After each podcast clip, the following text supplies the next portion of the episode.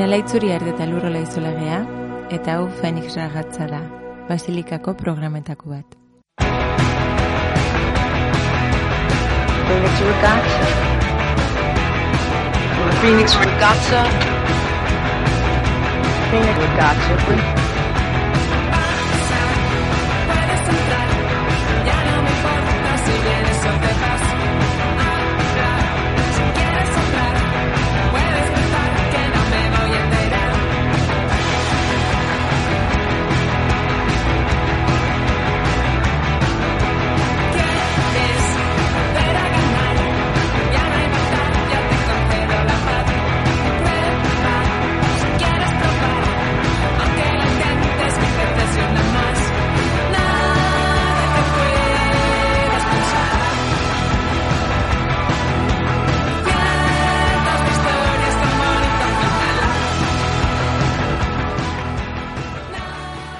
Moira Davy, Toronto, mila beratzireun dairuro sortzi. Lehenik eta behin, azgaitezen artistaren erretratu batekin, eta izan dadia hau erretratu poliedriko bat.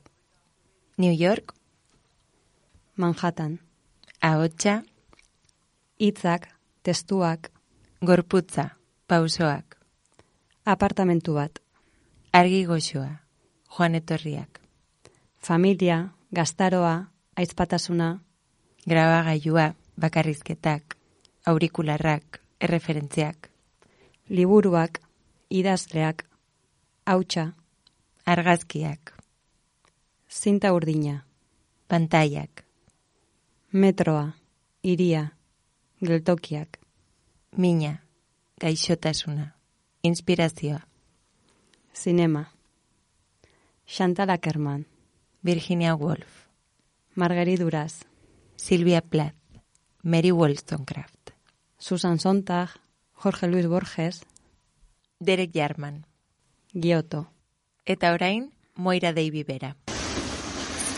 On the subway downtown to the New York Public Library in search of Mary Shelley's diary, I began to notice subway riders absorbed in writing of their own.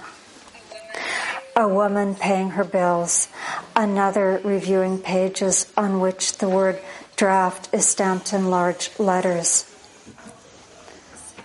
Some are standing precariously balancing pads and pens on crowded trains.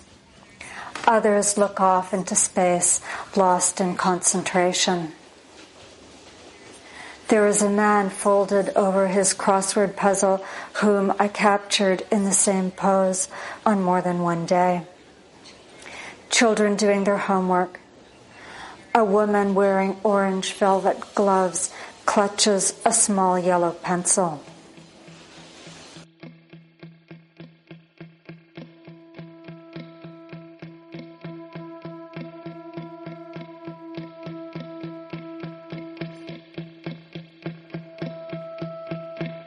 Moira Davy bere biografiatik eta intimitatetik sortzen duen artista da. Argazkiak, pelikulak eta testuak egiten ditu, eta hoien bitartez bere bizitza eta unibertsoa erabat zabaltzen dizkigu. Moira Daviren lanean, ahotsa eta testua oso garrantzitsuak dira. Esan genezake bere obraren ezaugarrietareiko bat direla. Pelikulei dagokienez, bere apartamentua da egiten dituen ikusentzunezkoen kokalekua. Eta pelikula batetik bestera salto egitaren ondorioz, espazio hori gero eta ezagunagoa bilakatzen zaigu. Nik neuk bere apartamentua horrela gogoratzen dut. Leio ondoan oea. Batzuetan eginda eta besteetan deseginda. Azulejo zuridun komuna. Zukale txikia eta marrazkiz eta notaz estalitako oskailua. Bere aizpen gaztetako erretratuak orman itxatxita zeinta urdinez. Liburuak, liburu mordoak. Batzuek hauts kapa sendoa daukate gainean, eta beste batzuk irekita daude. Eskuz idatzitako nota batzuen ondoan. Eta kamerak, tripodeak, grabagailuak eta kableak, han eta hemen. Etxea estudio bilakatu da.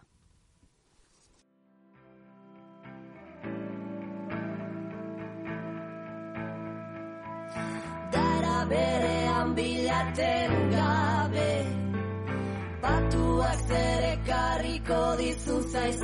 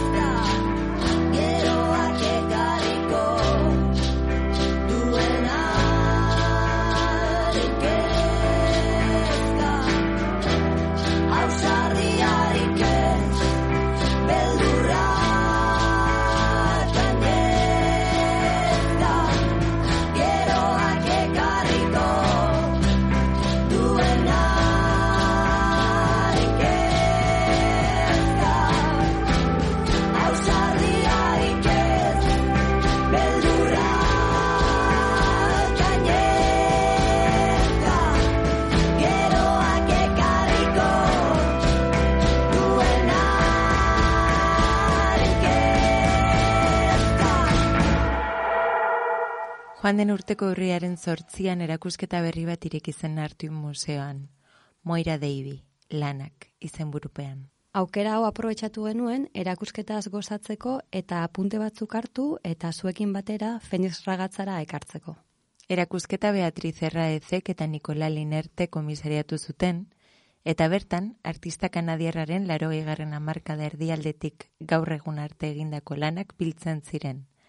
Ala nola, zuri beltzean imprimitutako argazki sorta, argazki eskutitzak eta pelikulak. 2000ko hamarkadaren erdialdean David zinemari ekin zion.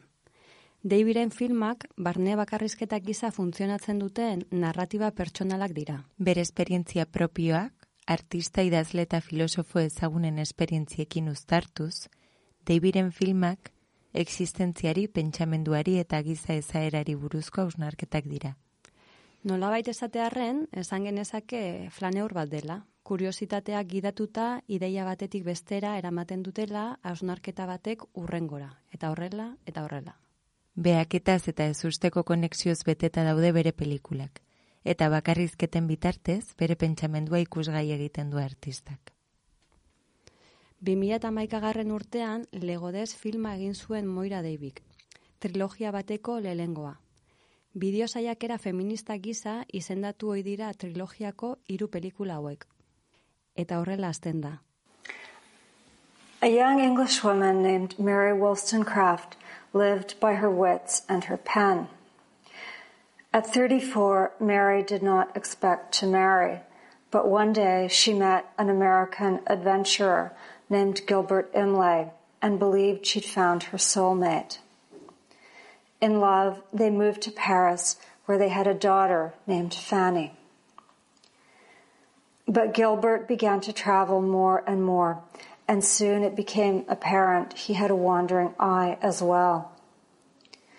Heartbroken over this desertion, Mary drank laudanum. She survived, but within a matter of months was despondent again and jumped from a bridge into the Thames.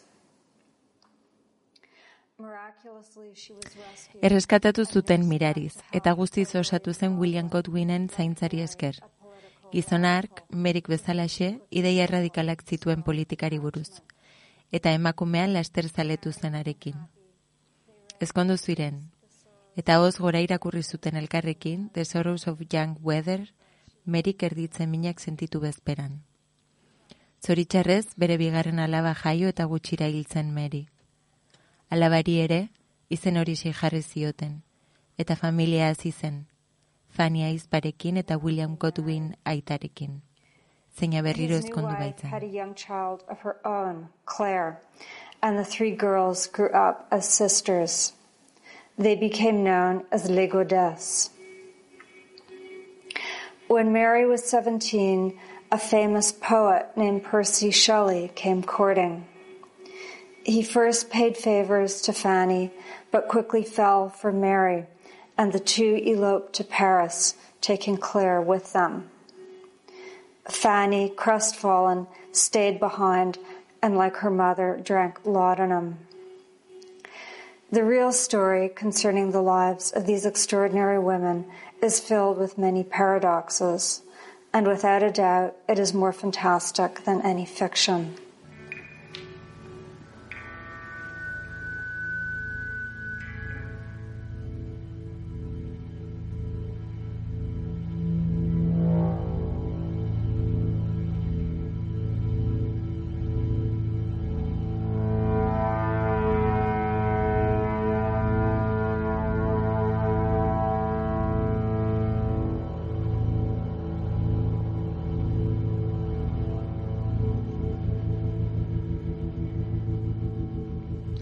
Eta prologo honen ostean, Moira Dei bibera ikusiko dugu kameraren aurrean. Eskuan grabagailu bat daukala eta aurikularrak jantzita. Bere New Yorkeko apartamentuko espazio ezberdinetan alde batetik bestera ikusiko dugu. Hitz egiten doan bitartean bakarrizketa honetan. Moira Deibiren film guztien ezaugarrietako bat da justu hori. Artista horrela ikustea, bere etxeko txoko batetik bestera oinez. Bere metodologiaren pausoak ondorengoak dira. Testu bat idatzi, testua irakurri eta hotsa grabatu, eta gero kamera prestatu eta aurikularretatik bere ahotsa entzuten duen bitartean, entzuten duen hori errepikatzen du. Eta oso metodologia interesgarria da, ze ahotsaren tonua oso partikularra suertatzen da. Berak esaten du, distantziamendu keinu bat dela hau. Prologoak adierazten duen bezala, Moira Deivik trilogiaren lehenengo pelikularako Mary Wollstonecraft hartzen du abia puntu. Hemezortzigarren mendeko idazle eta feminismoaren aitzindaria. Frankenstein idatzi zuen Mary Shelleyren ama. Eta Mary Wollstonecraften bizitza, bere bizitzarekin alderatzen du Moira Deivik. Mary Wollstonecraften familia, berearekin. Bai, zelen aipatu dugun bezala, bere bizitza erdigunean jartzean da Deibiren lanaren ezaugarri aipagarrinetariko bat. Adibidez, e, bai bere argazki serietan, nola bere pelikuletan, familiari egiten dion lekua oso nabarmena izaten da. Trilogiako bigarren pelikularen izenburua Hemlock Forest da. Lehenengoan Mary Wollstonecraft abia puntu den bezala, bigarren honetan beste emakume bat dauka guardatz. Chantal Ackerman. Ma très chère petite fille, j'ai bien reçu ta lettre et j'espère que tu continueras à m'écrire souvent. De toute façon, j'espère que tu me reviendras vite. J'espère que tu continues à bien te porter que tu travailles déjà. Je vois que New York te plaît, que tu es contente, alors nous sommes contents aussi, malgré qu'on voudrait te revoir le plus vite. Dis-nous quand penses-tu revenir Enfin, chez nous, c'est comme d'habitude, sauf que Sylviane est grippée reste à la maison, et que moi, je ne suis pas fort bien. Ma tension est basse et je prends des médicaments et des fortifiants. Aujourd'hui, c'est mon anniversaire et je suis triste. C'est samedi, nous sommes au magasin et il fait calme, on s'ennuie. Le soir, nous irons manger avec des amis et c'est tout pour mon anniversaire. Bientôt, c'est le tien et je te souhaite tout le meilleur au monde, tu le sais bien. Écris-moi au sujet de ton travail et de tout, de New York. Je suis impatiente d'avoir de tes nouvelles. T'embrassons tous les trois bien fort et pensons à toi tout le temps. Ta maman qui t'aime.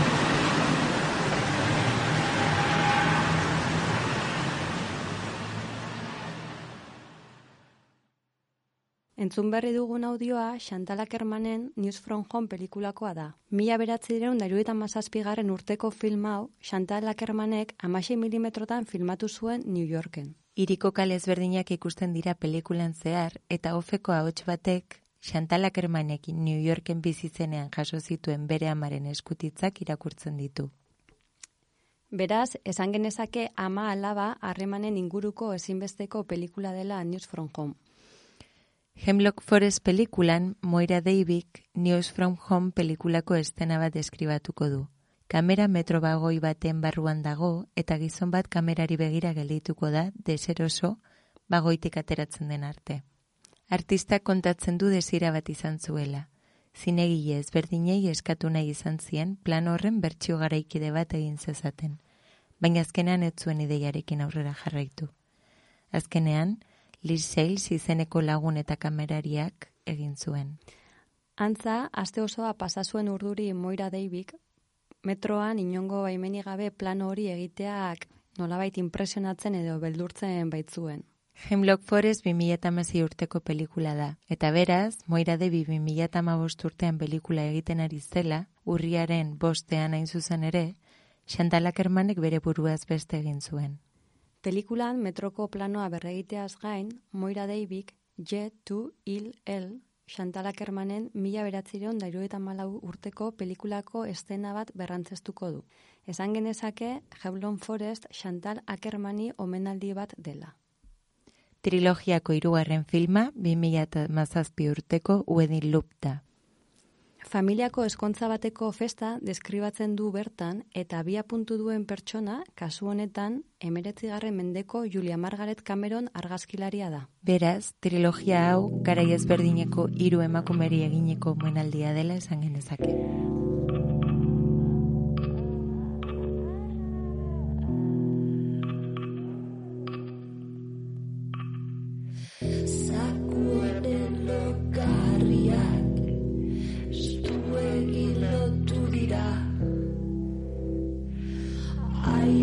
把傻子惯。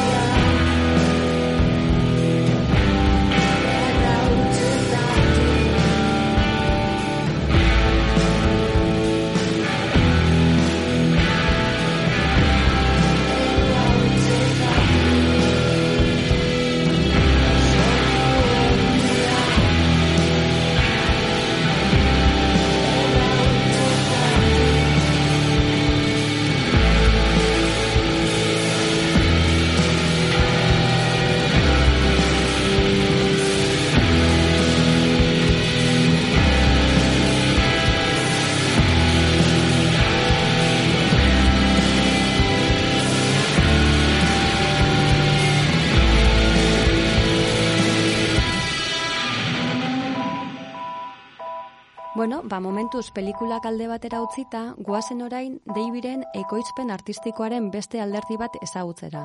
Argazki eskutitzak. Moira Deibik bai bere argazkiak bai bere pelikuletako fotogramak ere argazki bihurtzen ditu eta argazki hauek postal bilakatzen ditu ondoren. Serie bat osatzen duten argazkiak banan-banan hartzen ditu eta bere baitan tolestuz argazkiak berak eskutitz forma hartzen dute. Hartzailearen izena idatzi, dagozkion zigiluak itxatxi, koloretako pegatinak gehitu eta postaz bidaltzen ditu, gehienetan bere kolaboratzaile eta gertukoei. Denbora bat pasa ondoren, argazkiak bildu eta pieza artistiko gisa aurkezten ditu.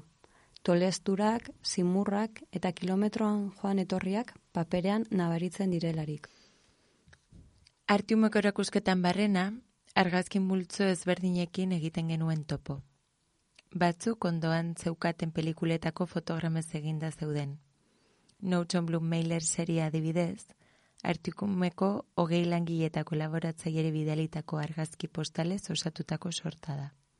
Bai, zentzu honetan ere e, egin zuen beste argazki sorta bat, e, Subway Writers e, izenburupean, eta hau 2008 garren urtean New Yorkeko metroan egindako hainbat argazkirekin egindako sorta da, eta e, joan zan neguan Kanadako Museo Nazionalean egon zen ikusgai eta oso serie itzela eta, eta handia izan zen.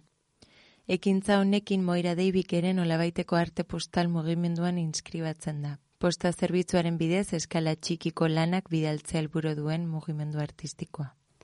Bueno, eta segidan bere beste pelikula batera bueltatzen gara. Hain zuzen, 2008 garren urtean filmatu zuen Notes on Blue pelikula. I began with a first note to myself.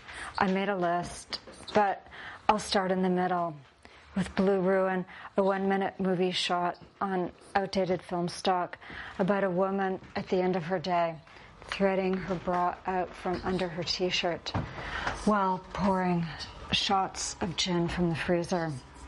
She sits down to sip her drink and runs a finger through a small settlement of dust on the base of a ruby glass lamp. I storyboarded that film in 2005, a year before going blind in one eye. The Noten Blue underlying filmak cause was itxutasunean jartzen du fokoa. Eta Derek Jarman artista inglesak egindako Blue dokumentala du abia puntu.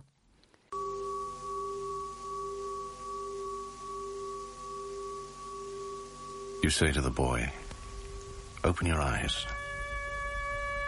When he opens his eyes and sees the light, you make him cry out, saying, Oh, blue, come forth. Oh, blue. Jarman, iesaren ondorioz itxu geratzen ari zela egin zuen pelikula da. Irogeita meretzi minutu irauten du eta klein tonalitateko urdin koloreko irudi finkoa duen filma da. Blue, Derek Jarman poeta margolari eta zinegilearen hil ondorengo filma da. Iesaren ondorioz berosasuna nahiko ahulduta zegoenean filmatua. Yves Klein margolari frantziarraren ideietan oinarrituta, arteari, poesiari, memoriari, denborari eta eriotzari buruzko hausnarketa pertsonaletan oinarritutako film monokromoa da. Moira Deibik bere azalean bizi izan zuen itxutasun pasartea, egun duen gaixotasunaren ondorioz. Eta Jarmanen pelikula hau, baina baita Borges, Giotto edo Silvia Platen testigantzak eta idatziak kontutan hartuta film intimo hau eratu zuen, autorreferentziaz josirik dagoena. Horri zuria betetzen ari naiz, baina zerbaitetarako balio dezan ere alegintzen ari naiz. Zerbait arriskatzen saiatzen naiz. Jarmanek egin zuen bezala. Baina nire goera bestelakoa da, ez nago etxita. Ez dago diagnostikatu zidatenean sentitu nuen presa bera. Apaltasunik gabe hitz egiten dut. Nire itxutasun apal pertsonalaz eta Borges bezala jabetzen naiz aitorpenaren interesaz. Nire beharra ere ezin da alderatu erretrobiralak eskuragarri egon aurretik, jarmanek eta ies harrapatu zuten beste askok sentitu zuten larritasunarekin. Pelikulan ez dut sartu bluren inguruan pentsatzen astean egin nuen zerrendan sartutako guztia. Alik eta gehien murgildu nintzen jarmanen munduan. Haren filmak ikusiz, ari hitz egiten entzunez eta arkidatzitako guztia irakurriz. Haren marrazki kuadernoetan barneratu nintzen, baina ez nekian zein idaz leona zen. Beste gauza batek ere harritu ninduen. Filmazio prozesua, sormen kolektiboa, filmaketa garaiko laguntasuna eta hurbiltasuna, obra amaitu baino askoz ere pozgarriagoa eta garrantzitsuagoa zen berarentzat. Jarmanek egindako gauza bera egiten saiatu nintzen ni. Baina aurreko gunetan antxietatea eta porrotaren beldurra nagusitzen hasi ziren. Eta ezinbestean, filmatzeko unean, arazo teknikoren batekin nahastu eta etxipenak jo ninduen. Ezagutzen dituen teknologia analogikoen eta ikasteko alegina egiten dudan teknologia digitalen arteko tarte bitxi batean bizi naiz. Look left. Look down. Look up. Look right. Blue flashes in my eyes.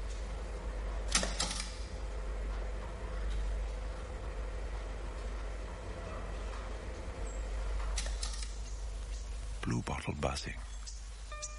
Lazy day. The sky blue butterfly sways on a cornflower, lost in the warmth of the blue heat haze. Singing the blue, quiet and slowly. Blue of my heart, blue of my dreams,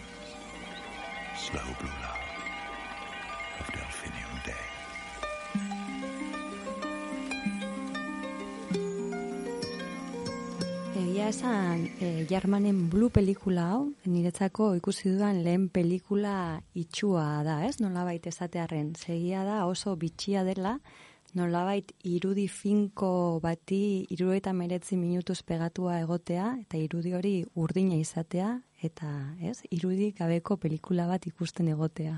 Hori da, eta esan dezakegu ere Fenix Ragatza saio honen gaietako bat izan dela hasieratik ez, nola hitz egin dezakegun zineari buruz edo sortu ditzakegun filmak soinua bakarrik erabiliz. Ze hori da azkenan egiten duen, airurogeita emeretzi minutu hoietan, ikusten dugun irudi bakarra, zuk deskribatu dezun urdin klein hori da, eta unibertso guztia, mundu guztia soinuak berak sortzen du, ez? Bai, eta irudirik ez daukagunez, orduan bai soinu bandek, bai fondoan entzuten diran konbertsazio edo taberna giroko edo ospitaleko soinu horiek hartzen dute beste indar bat, ezta? Eta eta azaleratzen dira, ba bueno, inoiz baino indartsuago. Eta azkenan ere usten diotela ikusleari edo entzuleari beti esaten dugun imaginaziorako aukera hori, ez? Badago ere oso paradoxa e, bitxia pelikula honetan, ze, bueno, pelikula e, ingelesez filmatua dago, eta eta bai dialogo guztia, bai fondoan entzuten digun elkarrizketak, ingelesez hitz egindakoak dira. Orduan, bueno, pelikula hau badago azpititulatuta, eta jarraitzean nahi balin badezu pixkat argumentua, ba, bueno, pelikula, oza, irudira pegatuta egon behar zara, azpitituluengatik ez horren beste irudiagatik, ez? Eta hori, ba, irudi nahiko bitxia dela zinema munduan.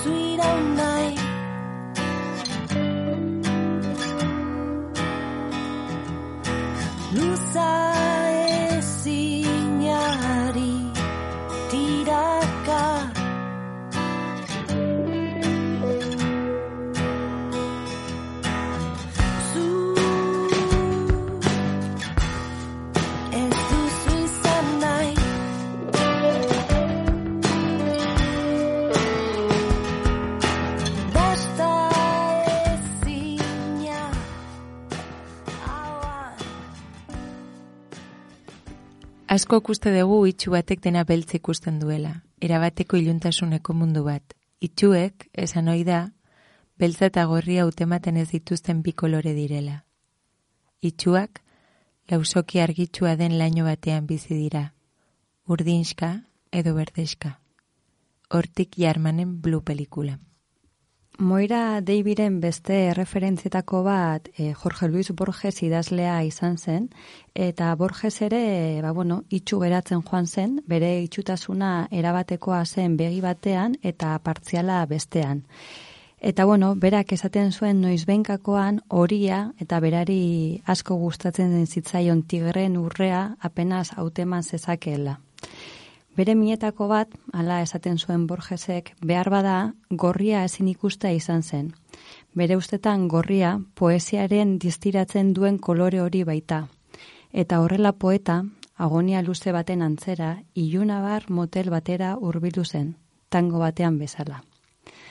Badago Buenos Airesen konferentzia baten erregistroa, e, eta bertan Jorge Luis e, Borges itxutasunaren inguruan entzungo dugu hitz egiten, mila beratzireun da joetan zazpigarren urtea da, eta hala dio Borgesek. He hablado de mi modesta ceguera personal. Y es modesta, en primer término, porque no es esa ceguera perfecta en que piensa la gente. Y en segundo término, porque se trata de mí, y mi caso no es especialmente dramático. Es dramático el caso de aquellos que pierden bruscamente la vista. Entonces se trata de una fulminación, de un eclipse. Pero en el caso mío, ese lento crepúsculo que empezó, esa lenta pérdida de la vista que empezó cuando yo empecé a ver y que ha durado hasta ahora. Es decir, que se ha extendido desde 1899 hasta 1977. Y no hubo un momento, un momento dramático. Fue un lento crepúsculo, salvo que ese crepúsculo ha durado más de, de este medio siglo. Fue un lento crepúsculo, como digo, pero para los propósitos de esta conferencia tengo que buscar un momento patético. Un momento, y fue el momento en el cual yo comprendí que ya había cesado mi vista, mi vista de lector y de escritor, que me veía apartado de los libros y apartado del hábito de la escritura, que eso me estaba vedado. Y podemos fijar entonces una fecha. ¿Por qué no fijar la fecha tan digna de recordación de 1955? Y no me refiero ahora a las épicas lluvias de septiembre, me refiero a una circunstancia personal mía. Yo he recibido en mi vida muchos inmerecidos honores, pero hay uno que me ha alegrado más, con, más que ninguno, como ha observado Ballesteros Acevedo, y fue el honor de que me nombraran director de la Biblioteca Nacional. Y esto se hizo por razones menos literarias que políticas. Lo hizo el gobierno de la Revolución Libertadora. Argentinako liburutegi nazionaleko zuzendari izendatu zutenean, ja ezen gai liburuak irakurtzeko Borges. Bere aitarekin hainbestetan bisitatu zuen liburtegiko zuzendaria izendatu zutenean, egin zuen lendabiziko gauza, liburutegian zeuden liburuak zenbatzea izan zen. Milioi bat liburu zeudela esan zioten. Milioi bat. Baina kontaketa ondoren ikusi zuten bederatzireun mila bat ale zeudela. Borgesi, zifra ederrago iruditzen zitzaion bederatzireun mila, milioi bat baino. Milloia segituan agortzen delako. Me había imaginado el paraíso bajo la especie de una biblioteca. Otras personas piensan en un jardín, otras personas pueden pensar en un palacio. Yo siempre me he imaginado mi paraíso, mi paraíso personal, como una biblioteca. Y ahí estaba yo, y era de algún modo el centro de 900.000 libros en tantos idiomas. Y al mismo tiempo comprendí que podía apenas descifrar las carátulas y los lomos de los libros. Y entonces escribí aquel poema titulado Poema de los Dones, que empieza así. Nadie rebaje a lágrimo reproche esta declaración de la maestría de Dios que con magnífica ironía me dio a la vez los libros y la noche, esos dos dones que se contradicen, los muchos libros y al mismo tiempo la noche, la incapacidad de leerlos. Borgesek dio Greziarrek Homero itxu egin zutela adierazteko poesiak ez duela bizuala izan behar, entzutekoa baizik.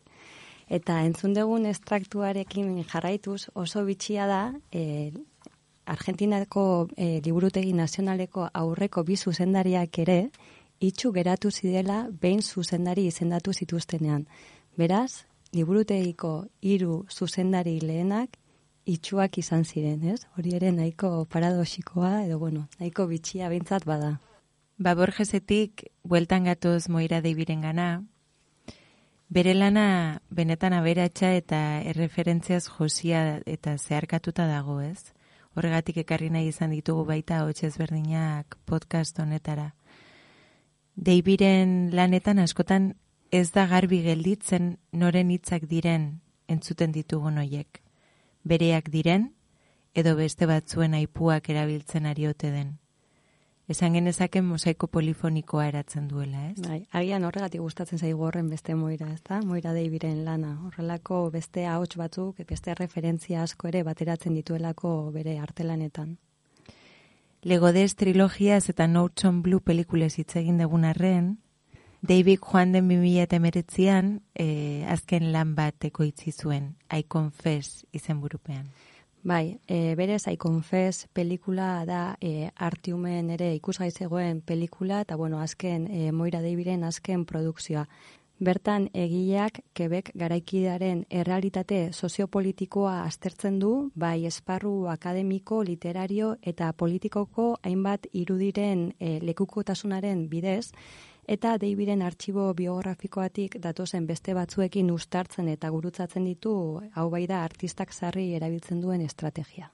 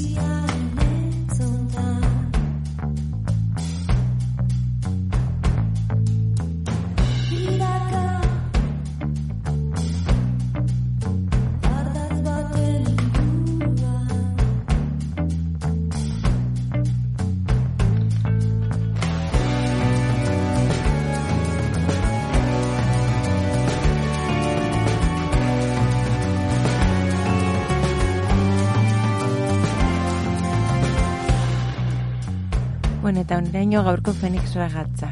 Espero dugu Moira Deibi artistaren inguruan egin ditugun hausnarketak e, interesgarriak izan direla eta hau abia puntu artistaren inguruan gehiago bilatu dezazuen edo hausnartu dezazuen. Hori da, ba, mi esker gaur gurekin egotearren, eta urrengo Fenix ragatza saiora arte. Eskerrik asko. Ondo izan.